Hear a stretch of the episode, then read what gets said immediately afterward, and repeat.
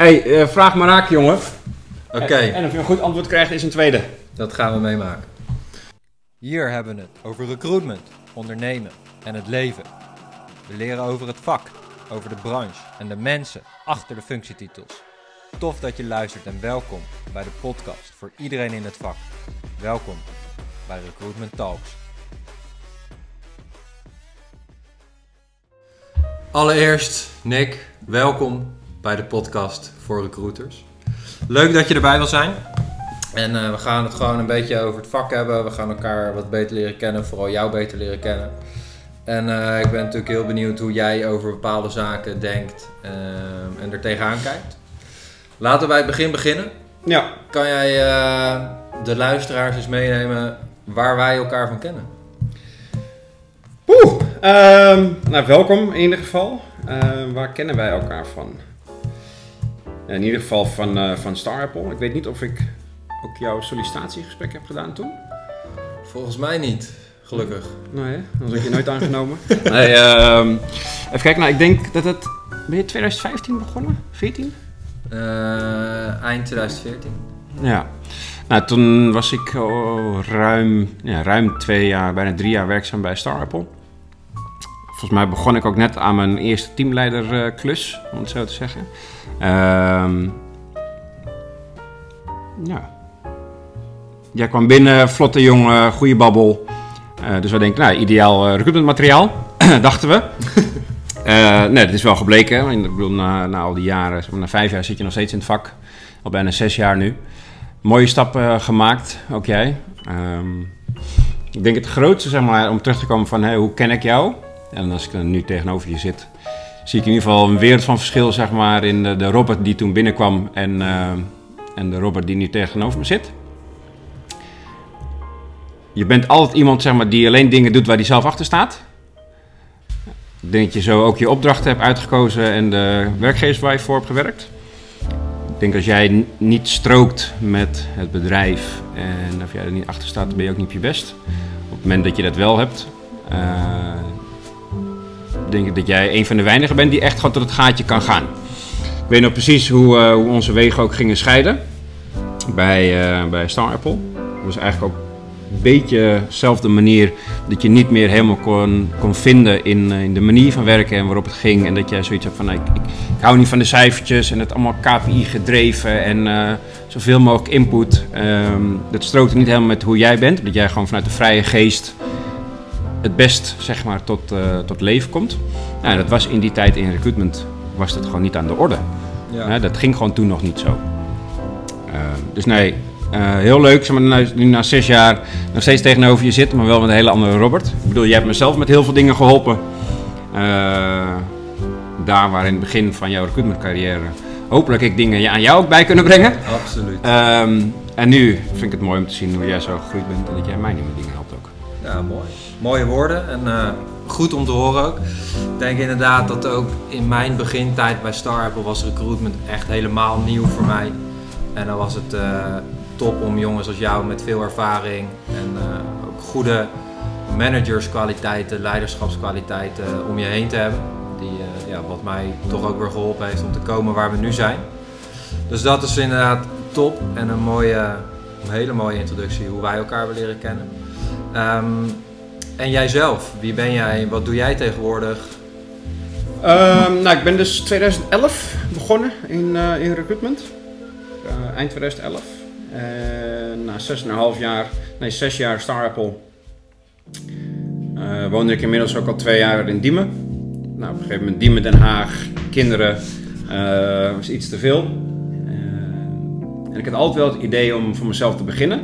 Maar ik achter mezelf nog niet rijp genoeg om echt iets toe te voegen daadwerkelijk bij bedrijven. Ja, Ja, want ik vind het als, als zelfstandige, eh nou, daar hangt een behoorlijk prijskaartje aan. Je wordt ingehuurd en je moet dan ook wel iets meebrengen. Nou, ik had start-up scale-up ervaring bij Star Apple. Ontzettend veel geleerd. Hè. Daar heb ik gewoon van nul kennis, heb ik daar eigenlijk alles geleerd wat ik, wat ik nu weet. Alleen qua corporate en qua bedrijfscultuur wist ik dus alleen maar het rijlen en zeilen in de start-up en de scale-up. Ja, Dus toen in ieder geval voor mezelf besloten, nou ik ga A, dichter bij huis werken. En B, ik wil in een multinational werken. Of in ieder geval een groot bedrijf waarin je dus eh, ook weer tegen andere dingen aanloopt die je niet in een start-up scale-up leert. ja, Michael Page gekozen.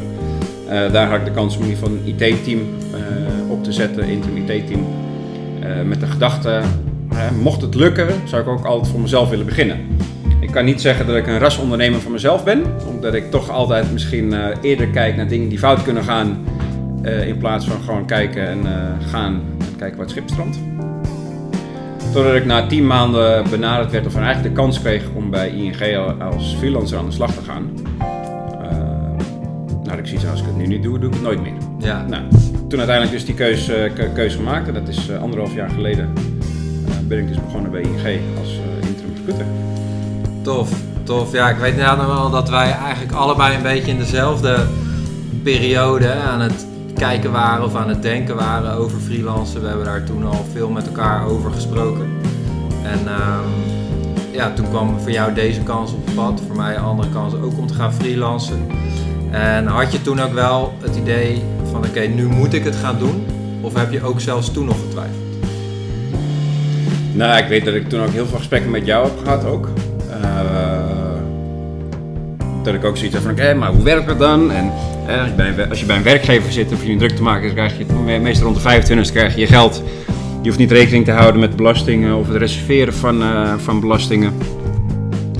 BTW, ik wist mijn god niet waar ik het allemaal moest zoeken. Uh, dus nee, in die tijd heb jij me eerst heel veel geholpen. En nou, ik had nu wel zoiets van, als ik het nu niet doe, ga ik het nooit meer doen. Voor mezelf een beslissing uh, gemaakt van nee, ik moet het gewoon gaan doen nu. En achteraf gezien, hè, ik bedoel, het was heel spannend en uh, volgens mij mijn manager destijds, die uh, toekomstige manager bij ING, was ik denk ik om de, om de week wel aan het appen van en het is nog niet gecanceld toch? Of het gaat nog door? Ja. en nu als ik terugkijk, zeg maar gewoon zoveel geleerd, zo'n mooie, mooie organisatie. Ik denk dat ik, ik heb nog geen bedrijf gezien wat ik interessanter en mooi vind dan, dan ING. Nee. Zo groot, maar toch ook weer zo technisch ingericht. En, uh, ze zeggen het altijd, maar het is echt zo. Het is eerder een IT-bedrijf met een banklicentie dan dat het een bank is met een IT-afdeling. Ja, en dat, het verschil is, ze zeggen het, maar ze doen het ook echt. Ja. Dus dat is wel echt heel gaaf geweest. Tof, tof. Ja, en je gaf ook aan van na jouw Star Apple tijd wilde je naar een multinational, een grote organisatie om ook wat meer daarvan te leren. Wat was voor jou, en als we hem dan een beetje met recruitment betrokken houden, wat was voor jou het grootste verschil daarin? Kijkende waar je van kwam en waar je naartoe ging. Ja, het eerste wat er binnen schiet is procesmatig. Eh, soms, tenminste als recruiter ben je gewoon gewend. Eh, er gaat een, uh, je hebt een trigger in je lichaam en je wilt gelijk zeg maar hollen, springen, vliegen. En je wilt gelijk van A snel mogelijk naar B, dan naar C. Uh, bij een start-up kan dat, omdat je wat minder hebt te houden aan bepaalde restricties. Uh, misschien afspraken die globaal in, uh, ingeregeld zijn, eh, waar je aan moet houden. dus bij een heel klein bedrijf kan je heel snel van koers wisselen, of van koers veranderen. Ja. En bij een multinational zie je van oké, er is gewoon een procedure waar je aan moet houden. Voordeel in een klein bedrijf is, je kan heel snel stappen maken en je kan heel snel uh, dingen voor elkaar krijgen. Zonder je aan een bepaald proces te houden. Ja. Het nadeel is dat het misschien ten koste gaat van kwaliteit. Omdat je bij een groot bedrijf moet je nou eenmaal aan bepaalde processen houden. Waardoor je dus ook meer tijd hebt om goed over dingen na te denken voordat ze nou echt bij wijze van spreken de deur uit zijn. Ja. dus de kandidaten of de gesprekken die je hebt met managers. Dus ja, het heeft, en dat is nou precies de reden waarom ik ook dat wilde. Omdat ik dus juist ook het verschil dan kan zien. En in mijn optiek had ik uh, dan een wat beter beeld van de markt om ook andere bedrijven in of proces te ondersteunen of in hun recruitment. En dan met name natuurlijk het recruitmentproces eigenlijk. Ja. ja dus uh, dat heb ik ook geprobeerd, zeg maar. Dus de, de twee ervaringen van een groot, uh, grote corporate en een start-up scale-up geprobeerd bij elkaar te voegen en te kijken van oké, okay, in, in welke, op welke manier en bij welk bedrijf past nou de beste aanpak. Dus nee, daar ben ik uh, ja, wel echt heel blij mee. Van hoe dat gegaan is. En, uh... en, en, als, we, als je dan nu naar de luisteraars die misschien nu in de situatie zitten waar jij eh, in jouw eindtijd bij Star Apple, of in jouw laatste paar maanden bij Star Apple zat, waarin jij dit overdacht of deze stap overwoog. Stel dat de luisteraars nu ook in zo'n situatie zitten. Wat zou dan voor jou een tip zijn die jij hen zeker mee zou geven als ze ook met dit idee worstelen of ter denken van ik heb die ervaring, moet ik ook gaan op het Nou, wat ik. Wat ik en misschien is het wel een mooi bruggetje ook naar, eh, naar de coronacrisis, zeg maar, waar we nu in zitten. Is dat op een gegeven moment had je, had je iedereen die maar een beetje een paar deals had gemaakt bij een agency of bij een recruitment, die dacht van, hè, het is een goede tijd, ik ga lekker freelancen, want dan kan ik veel geld verdienen. Ja, In mijn optiek zijn het allemaal recruiters die heel goed waren in een kandidaatgedreven markt. Waardoor je het aspect mist van een echt commitment, een relatie opbouwen, rapport opbouwen met bedrijven. Bijvoorbeeld in 2011, 2012, 2013 was het een jobgedreven markt. Wat betekent dat je dus veel meer eh, aandacht moet geven aan de klant, je relaties moet onderhouden, rapport moet opbouwen en het verschil maken als consultant bij het bedrijf. En dan vervolgens een goede kandidaat vinden. En wat ik nu, wat misschien nu gaat gebeuren ook met de coronacrisis, is dat, is dat je ook weer een scheiding gaat krijgen tussen recruiters die eigenlijk 360-model echt goed beheersen. Dus zowel de, de klantenkant, want ik denk dat de service en dienst als freelance recruiter of als corporate recruiter of als agency recruiter zoveel belangrijker gaat worden nu juist in deze tijd. Omdat kandidaten relatief misschien wat makkelijker te vinden zijn dan dat ze een jaar geleden te vinden waren. ja, Dus als jij eh, terugkomend op je vraag, wat zou jij iemand bijvoorbeeld mee willen geven? Eh, zou ik denken van oké, heb jij echt al de stappen gemaakt die je wilde maken? Als jij met jezelf aan tafel zou zitten in een sollicitatiegesprek, welke kennis en ervaring ontbreekt bij jouzelf? Stel eens vragen aan jezelf, oké, waar kan jij nog leren? ja, In plaats van te zeggen, ik ben zo goed en ik kan alles en ik heb zoveel deals gemaakt, dus ik ben een hele goede recruiter. ja. Eh, en durf kwetsbaar te zijn zeg maar, naar jezelf. Ja. Denk jij, eh, als je om je heen kijkt, dat veel eh bureau-recruiters die deze stap maken, dit, het verschil met corporate onderschatten? Ja, denk het wel. Ja. Ik kan natuurlijk niet spreken voor andere mensen, maar de overtuigende ja kwam meer vanuit mezelf. Dat, eh, dat agency en corporate. Het is allebei recruitment, maar het is nog steeds een wereld van verschil. Ja. Het is tempo, het zijn andere doeleinden waar je voor werkt. Je hebt veel meer te maken met je employer branding als recruiter zijn als je corporate werkt. Als je bij een agency werkt, denk je van nou, eh, ik werf nu voor tien bedrijven. Eh, ik ben op zoek naar die ene kandidaat. Ja, als ik het eerste bedrijf misschien niet zo heel goed verkoop, ja, dan maakt niet uit, blijft toch nog negen over. En dat is ook zeg maar, wat ik bedoel met de, het tempo, de manier waarop je werkt. Ehm, een corporate recruiter moet veel meer bewust zijn van het beeld wat hij afgeeft van het bedrijf. Omdat je dus. Je bent het uithangbord, reclamebord voor dat bedrijf zelf. Ja. En bij een agency werf je, je altijd voor derden. Waarin dus dat een minder groot belang heeft dan dat je als corporate werkt. Dus ik denk dat het nog steeds, tuurlijk, het gaat goed om eh, onder de aandacht brengen van functies. Hoe benader je de markt? Hoe benader je de doelgroep? Maar tegelijkertijd is, vind ik corporate recruitment veel meer gericht op lange termijn. Dus waarom je, je dus ook je employer branding goed op orde moet hebben. Je moet goed nadenken wat je doet. Je hoeft niet gelijk die kandidaat eh, maandag te bellen, dinsdag op gesprek, woensdag een aanbod te doen. Ja. Dat hoeft niet. Ehm tuurlijk, als het kan is het mooi, als beide partijen enthousiast zijn. Ehm, maar dat is niet je einddoel. Je einddoel is bedrijf goed laten zien, je bedrijf goed verkopen, een goede naam opbouwen en zo werken aan een lange termijn eh, A-oplossing en doel voor je eindklant. Ja, ja, goed punt. Ik denk zelf inderdaad ook als ik voor mezelf spreek, dat altijd echt een andere manier. Mij heeft het echt verrast, al dan niet zelfs verbaasd over hoe een wereld van verschil het toch is. Eh, Ik dacht toen ook, eh, toen ik overging van bureau recruitment naar corporate recruitment, nou, hetzelfde kunstje, ander, ander jasje zeg maar. Maar je merkt inderdaad wel dat er hele andere aspecten bij komen kijken. En ook, Ja. ja. ja, ik merk nu ook als freelancer wel dat ik echt al ook bij een organisatie wil werken waar ik achter sta. Omdat het, ja, je moet toch zo'n inderdaad zo'n organisatie eh, verkopen. Ja. Of in ieder geval, als je er zelf niet overtuigd van bent, dan wordt het heel moeilijk om de mensen aan te nemen.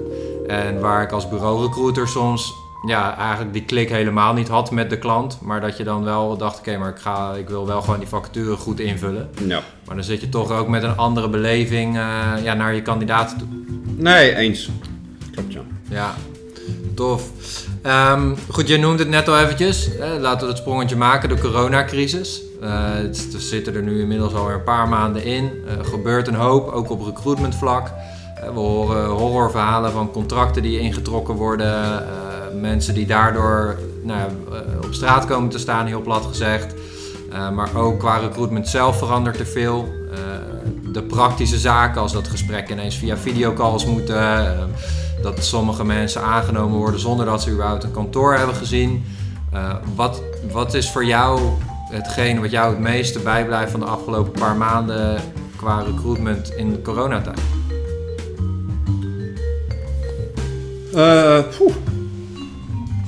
Je nog even? Dat is wel een vraag natuurlijk. Ehm, het is deels zeg maar begrijpelijk. Dat bedrijven eh, freelancers dan natuurlijk eh, ja, op straat zetten als het ware. Want dat is in essentie is dat natuurlijk ook een van de redenen waarom bedrijven een flexibele schil bouwen. Om juist in deze tijden toch ook snel te kunnen upscalen, maar ook downscalen als het, als het moet. Ja, Dus aan de andere kant is het, eh, is het in ieder zijn goed recht om de freelancers op straat te zetten. Het is alleen heel vervelend dat voor sommige mensen best wel een grote impact heeft. Maar niet te vergeten ook voor de ondernemers die hierdoor heel veel omzet verliezen. Bedrijven die failliet gaan. Ehm, ja, wat ik hoop is dat het heel snel wel weer omslaat. Ik denk ook zeg maar, als er een paar grote bedrijven zijn en mensen laten zien van oké, we laten ons niet kennen hierdoor en wel gaan doorgaan met denk ik ook dat je in een soort cirkel terecht gaat komen van hé, hey, zij doen dat, zij doen dat, wij gaan dit ook doen. ja, En dat is nu ook de andere kant op gebeurd. Dus het, zijn, het is nu, heeft nu negatief uitgepakt. hey, zij gaan mensen ontslaan. Zij gaan 20% lager in tarief. Zij gaan alle freelancers eruit gooien. Dat moeten wij dan ook doen. ja, Tuurlijk zal er een, is er een verlies in omzet bij heel veel bedrijven geweest. En aan de andere kant, er zijn zoveel mooie initiatieven ook ontstaan, waardoor er ook weer voor bedrijven eh, ruimte is om te kunnen ademen en in ieder geval door te kunnen gaan. Hoop ik dat die cirkel ook nu weer snel ja. rond is. Dat iedereen denkt van nou, laten we niet kennen, we gaan gewoon door. ja. Ehm, tuurlijk denk ik dat we even weer pas op plaats moeten maken met de U-tarieven van 100, 110, eh, 90 euro eh, als freelancers. Dat je daarin ook wel een, een kentering ziet naar beneden ja. in U-tarieven. Eh, Ja, en ik vind het alleen maar goed, want geld moet niet de drijfveer zijn om te gaan freelancen. Nee. Voor mij is de, de druk om altijd bij een, nieuwe klant, dat je weer eh, nieuwe dingen mag gaan doen, dat je niet in een sleur terechtkomt, dat je dingen mag gaan doen die je echt leuk vindt, dat jij beslist wat je wel en niet gaat doen. ja. En een U-tarief, ja, als je het voor het geld doet, freelancen, dan... eh, Ja, nee, ik denk sowieso, eh, maar dat is misschien heel erg off-topic, maar ik denk sowieso als je dingen puur voor het geld doet, dan, ja, Ja. Dan, dan ga je het zeker in moeilijkere tijden niet redden. Maar ehm, ja, nee, absoluut. En als jij nu bij, bij ING kijkt, hè, waar je nu, eh, Ja. waar je nu werkt, ehm, wat heb jij daar gemerkt met de coronatijd? Eh, Dingen die je kan en mag delen uiteraard, maar wat, wat, ja, wat, hoe is ING omgegaan met de spanning en stress tijdens de coronatijd? Nou, een van de dingen die me als eerst zeg maar, te binnen schiet, is dat volgens mij binnen 48 uur hebben ze de hele infrastructuur omgebouwd, eh, zodat iedereen thuis kan werken. Ja. Ehm, dat zou je misschien niet denken van een bedrijf met meer dan 51.000 man. Maar toch hebben ze dat voor elkaar gekregen om zo snel die hele infrastructuur om te bouwen en eh, ervoor te zorgen dat iedereen thuis kan werken. Iedereen die nog geen laptop had, omdat het niet nodig was voor hun werk, hebben binnen een paar weken tijd een laptop kunnen, eh, kunnen krijgen. Hebben monitoren eh, gekregen thuis om te kunnen werken. Alles om ervoor te zorgen dat iedereen zo veilig mogelijk en zo goed mogelijk eh, hun werkplek alsnog heeft en hun werk kan doen, al is het vanuit huis.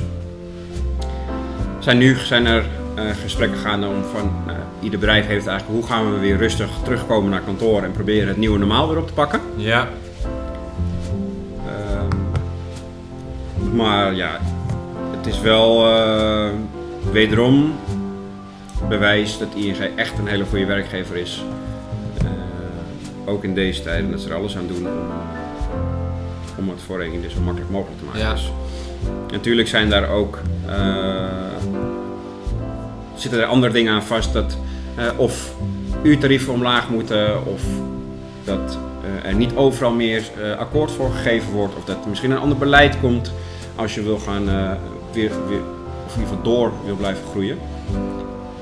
Maar nou, ik denk echt wel dat, eh, dat er ook heel veel bedrijven zijn die daarvan kunnen leren. Ja, ja, absoluut. Ja, sowieso is het natuurlijk bijzonder hoe snel ze dat hebben Ja. kunnen, kunnen schakelen. Ja, echt. Dat, eh, er zijn veel, eh, veel bedrijven die daar ook inderdaad al mee, eh, mee hebben geworsteld. En, maar top dat dat bij ING wel goed en snel verlopen is. Nou, echt, het verbaast me ook echt. ja, Dat, ehm, zo zie je maar wat er allemaal mogelijk is. Het mooie is dat ieder bedrijf die, eh, als je vroeger bijvoorbeeld aan vroeg, hey, is er een mogelijkheid thuiswerken? Nee, absoluut niet. Gaan we niet doen. Vijf dagen op kantoor en dan eh, zie je nu zeg maar, zo mooi dat op het moment dat het moet, kan het. ja, En nu zie je dat eigenlijk ieder bedrijf gaat anders nadenken over thuiswerken. Of denkt van nou, het is misschien helemaal niet zo slecht. nee. Eh, misschien één dagje thuiswerken zorgt dat iemand de volgende dag veel productiever met veel meer energie weer op kantoor is. Waardoor je uiteindelijk zelfs nog meer die medewerker hebt dan dat je daarvoor had. Ja, Omdat het misschien wat meer rust geeft voor die. Ja, 100%. Kijk, er zijn natuurlijk nu zelfs een paar grote bedrijven die zeggen, joh, van ons mag je volledig thuis blijven werken. En dat is misschien wel in extrema. Maar het geeft inderdaad wel aan eh, ja, wat voor een slag bedrijven hier eigenlijk in maken. En dat ze leren, inderdaad wat jij terecht zegt, veel bedrijven die zeiden het kan bij ons nooit. Die nu toch wel leren dat het heel goed kan en dat het ook zeker wel positief kan werken. Ja, nou, ja klopt. Mooi is dat. Ja, Ik denk ook wel dat je veel meer gaat kijken nu naar eh, het geluk tijdens het werken van de medewerker.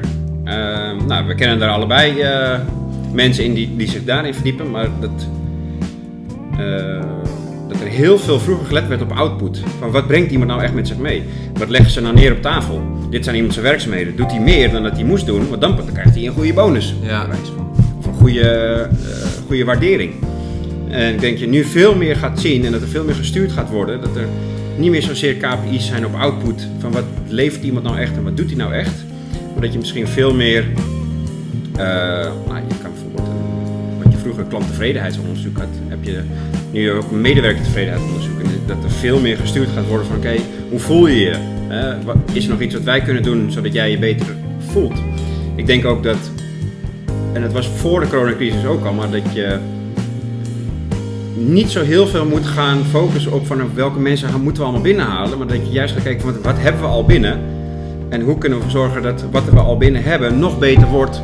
Zodat je misschien minder mensen hoeft aan te trekken. Maar dat je mensen die je al hebt veel beter zijn. Ja. Dus dat je veel meer de switch gaat krijgen naar retentie in plaats van recruitment. ja, Dus dat je gaat kijken van oké, wat kan ik voor jou doen? Als werkgever naar werknemer. Eh, hoe kunnen wij ervoor zorgen dat het voor jou zo makkelijk, wij het zo makkelijk mogelijk maken voor jou? Ja, en daarin is dit denk ik voor veel bedrijven, maar ook voor mensen een hele les. Ik, ik spreek ook wel deze tijd mensen die zeggen, ja, die voorheen ja, niet ongelukkig waren in hun baan, maar hè, gewoon het prima vonden. Nou, En dat je nu toch merkt, nu ze inderdaad thuiswerken of thuis gewerkt hebben en dat vasthouden met één of twee dagen thuiswerken, dat ze ook een stuk meer plezier krijgen in hun werk. Eh, het is wat makkelijker als je inderdaad tussendoor even de kids van school kan halen of als je niet na hoeft te denken wie gaat dat doen. Eh, ja, zo zijn natuurlijk legio aan voorbeelden waarom het goed kan werken. Ja. Dus eh, ja, ik ben wel benieuwd wat dat in de toekomst ook gaat brengen. nou ik, voor mij, en dat zal je ongetwijfeld ook wel zien bij Liberty Global, is dat je veel meer waardering ziet vanuit werknemers naar de werkgever. En dat ze blij zijn wat ze eigenlijk al hebben. Terwijl het voorheen altijd was, rupsje nooit genoeg. Ja, ja, maar ik, eh, ik verdien nu dit en Pietje verdient dat, dus eh, ja, dan wil ik dat ook. En terwijl eh, je nu heel erg ziet van, oh, weet je, bedankt en dat ze eh, dankbaar zijn voor wat ze hebben. Ja. Dat, dat vind ik ook weer een positief iets aan. eh, Ja, ja zeker. En eh, inderdaad denk ik ook wel een mooi bruggetje. En dat is iets wat ik merk, maar wat ik ook hoor dat andere recruiters merken in het wervingsproces op het moment. Dat kandidaten best onzeker kunnen zijn. In de zin van ja, eh, straks zeg ik mijn huidige baan op om bij jullie te gaan werken. En dan wordt die crisis toch nog erger. En dan trekken jullie een contract in of word ik in mijn proeftijd naar huis gestuurd. En hierin denk ik ook wel dat nu recruiters een heel groot verschil kunnen maken. Door inderdaad zo'n kandidaat beter aan de hand mee te nemen. Uh, meer echt gerust te stellen over dat er geen risico's zijn. En dat kan met voorbeelden, met feiten, maar dat kan ook zijn door gewoon eventjes naar iemand te luisteren. Uh, en dat denk ik dat het ook inhaakt op wat jij net zei. Dat je merkt dat men ook met een grotere dankbaarheid misschien wel dan voorheen start. Omdat ze zo goed geholpen zijn, omdat ze het vertrouwen hebben in de organisatie. Uh, en ik denk ook echt wel dat dat in deze tijden voor recruiters heel belangrijk is om daar ook echt mee bezig te zijn. En dat die candidate journey, om maar even erbij te halen, nog belangrijker wordt dan voorheen. Ja. En wat zich later ook weer zeker terug gaat betalen, denk ik, in de vorm van loyaliteit naar een organisatie toe. Hoe, uh, hoe doen jullie dat bij uh? Nou ja, het is vooral het gesprek aangaan met de kandidaten. En veel betrokkenheid. Um, uitleggen dat er echt geen risico is. Dat we echt heel actief aan het aannemen zijn. Dat de vacatures die openstaan, dat we die ook echt gewoon moeten gaan vervullen. Um, uitleggen ook hoe we onboarding doen. Dat is natuurlijk ook een, dingetje. Zeker in de, in de tech zit je toch wel, ja, hoe kan ik dan aan mijn hardware komen? Hoe gaan we dat regelen? Um, en daar heeft Liberty Global gewoon heel goed de zaakjes op orde gehad door heel snel alles up and running te krijgen.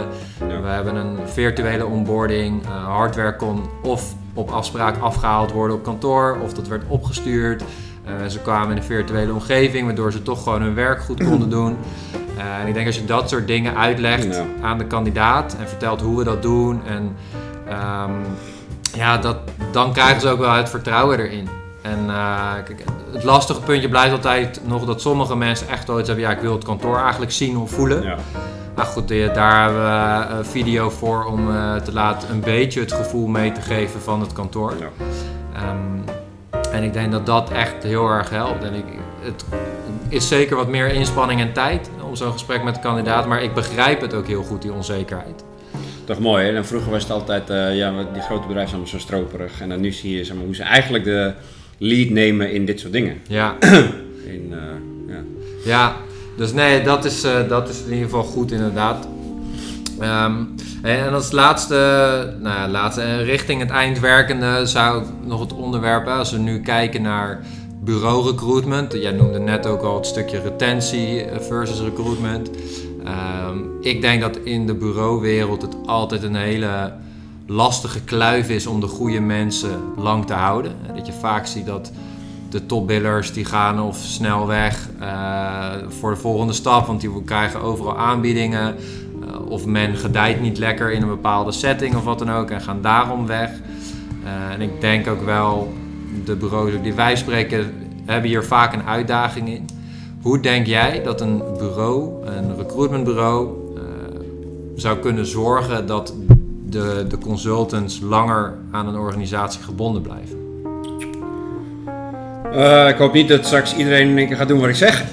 maar uh, nee, ja, jij vraagt om, uh, om een mening hoe ze het zouden kunnen doen. Kijk, ehm, hoe zou je het zelf doen als jij een ja, bureau zou hebben? Nou, ik denk zeg maar dat je qua, en dat hoor ik ook wel om me heen, is dat geld is nooit een reden voor mensen ook om te blijven. Natuurlijk, het kan wel voor zorgen dat als je een tegenslag hebt, maar je hebt bijvoorbeeld een hele goede bonus, dat je denkt, nou, is toch ook wel fijn, ik blijf er maar even zitten. Maar ik denk het allerbelangrijkste nog steeds is sfeer en gevoel. Uh, ga mee. Je werknemers worden ouder. Alleen als je bedrijf dezelfde manier door blijft gaan, dan is het niet meer interessant voor als je als 22-jarige binnenkomt en je zit er als 27-jarige nog steeds. Jij verandert als persoon, dus ook in je leven. Sommigen krijgen kinderen. Als je daarin zeg maar, mee kan groeien als bedrijf, wat misschien niet de core is, of hoe je nooit het gedacht hoe je je eigen bedrijf wil opstarten. Hè, want je start met een bepaalde visie van oké, zo wil ik het gaan doen. Uh, eh, 60 uur knallen bij wijze van spreken op kantoor. En je verandert je visie niet mee met het personeel wat je hebt strookt het op een gegeven moment niet meer. Dus ik denk dat op het moment dat je heel goed in contact blijft met de zakelijke groei, maar ook persoonlijke groei die ja, werknemers maken, dat je daarin ook je bedrijf zeg maar mee verandert. Ik denk dat je op die manier weer waardering krijgt vanuit werknemers en dat die ook mee kunnen groeien met het bedrijf. Hè. Maak ze onderdeel ervan. Uh, dat ze daarin ook weer iets meer loyaliteit hebben. En tuurlijk, er zullen altijd mensen weg blijven gaan. Ja. dat blijft altijd, en dat moet ook. Want er moet ook weer ruimte zijn voor anderen. Maar organisch groeien is goed en is zo belangrijk voor een bedrijf om daarin ook je stabiliteit te behouden. Uh, denk ik dat je ook als bedrijf soms moet meebewegen. Natuurlijk niet helemaal, maar je moet wel meebewegen. En in ieder geval het gesprek aan kunnen gaan met je werknemers die ook in een andere levensfase terechtkomen. Ja, dat denk Mooi, ik. Ja, goed gezegd. Sluit ik me inderdaad ook volledig bij aan. En ook wat jij, wat, jij, wat je zelf ook aangeeft, je moet ook niet bang zijn dat mensen weggaan. Weet je? En soms zie je bedrijven van alles proberen. We, we zullen het allebei ook wel meemaken als je iemand aanneemt of een aanbod doet, dat ze dan ineens toch nee zeggen, want ze krijgen een counteroffer uh, ja. met uh, een salarisverhoging waar je u tegen zegt. Wat 9 van de 10 gevallen ook gewoon niet goed uitpakt op de lange termijn. Uh, denk inderdaad dat je ook als organisatie niet bang moet zijn als mensen weggaan. En dat je ook ergens nee. trots moet zijn als ze een mooie stap mogen maken omdat ze een paar jaar bij jou hebben gezeten. Maar goed, inderdaad, dat je ook wel moet focussen op dat je met je mensen meegroeit. Dat, dat, is toevallig, uh, het, slaat niet helemaal op, uh, op het stuk recruitment, maar wel een voorbeeld precies van wat jij zegt. Ik was het interview uh, aan het lezen van Carlos Sainz, die van McLaren naar Ferrari ging. Ja, Formule 1 mensen, voor degene ja, sorry. die... Ja. Uh, maar dit sluit zo goed aan op wat je zegt. Hij is toen um, uh, bij Zach Brown, de, de, teambaas van McLaren, was Carlos Sainz vanaf het begin af aan open en eerlijk geweest. Van hey, Ferrari wil, me, hey, wil in ieder geval een gesprek. Ik wil het open en eerlijk spelen. En, en hij zegt gelijk van ga maar praten. Nou, uh, ik zal het verhaal iets inkorten, want daar hebben we de tijd niet voor. Maar op het moment dat hij zei van nou, dat Carlos Sainz, Carlos Sainz tegen zijn manager zei van nou, ik, ik mag naar Ferrari, het is rond, het is klaar. Het eerste wat hij als manager zei van, ik wens je al het geluk, al het plezier, veel succes, weet je. En ik hoop, ik weet zeker dat je daar gaat slaan, slagen. En als je in dat interview zie je ook hoe hij terugblikt op zijn vorige werkgevers waren. McLaren, dat zit dan zo diep in zijn hart en daar zit echt nog liefde, zeg maar, voor. Ja. En dat was een mooie vergelijking, zeg maar, die ik denk dat ook gewoon in ons werk, zeg maar, heel belangrijk is. Mooi dus dat, uh, ja, dat vond ik een heel mooi interview voor... Uh, ja, om daarvan te leren ook. Toen Ja. dacht ik ook van, ja, zo, zo hoort het eigenlijk ook, zeg maar. Ja, Dus het gaat wel twee kanten op trouwens. Hè. Een werknemer moet ook eerlijk durven en kunnen zijn naar een werkgever. ja. Als je dat gevoel ook al niet hebt, dan misschien ook een reden. En het is wat je zegt. switchen. En ik denk, hè, als je daarop in... Stel dat, dat McLaren wel heel erg vast had gehouden van het mag niet, of het kan niet, of we gaan Nee. het je moeilijk maken, of eh, we hangen er... eh, hij had namelijk een, een zware clausule in zijn contract staan. Ja, Dus dat hij eh, ook nog vast lag, dat hij tussentijds niet weg mocht. Maar juist omdat hij dus zo open en eerlijk eh, is geweest, heeft hij dat ook teruggekregen. En uiteindelijk eh, ja, betaalt zich wel uit. En dat is weer iets voor lange termijn. ja. Dat het bij, in dit geval Carlos Sainz, zit het gewoon goed. Over zijn vorige werkgever zal er nooit slecht over praten. Ehm, dus nee, ik vond dat echt een heel mooi voorbeeld van hoe het eigenlijk ook kan. Ja, Maar zoiets moet je wel kunnen creëren, dat een werknemer ook eerlijk is ja, absoluut. naar jou als werkgever. Ja, ja goeie. Mooi, eh, mooi voorbeeld. Ik denk ook een mooi voorbeeld en een mooi verhaal om mee af te sluiten. Nou, Ehm, ik wil je in ieder geval wijs bedanken voor je tijd en je input. nee, jij ook. Ik vond het leuk. En eh, ik ben benieuwd wat de toekomst ons allemaal gaat brengen. Ja, nou echt. Zeker in deze tijden, maar dat gaat zeker goed komen. En eh, ja, iedereen die luistert, bedankt voor het luisteren. En eh, op naar de volgende. Yes, dankjewel.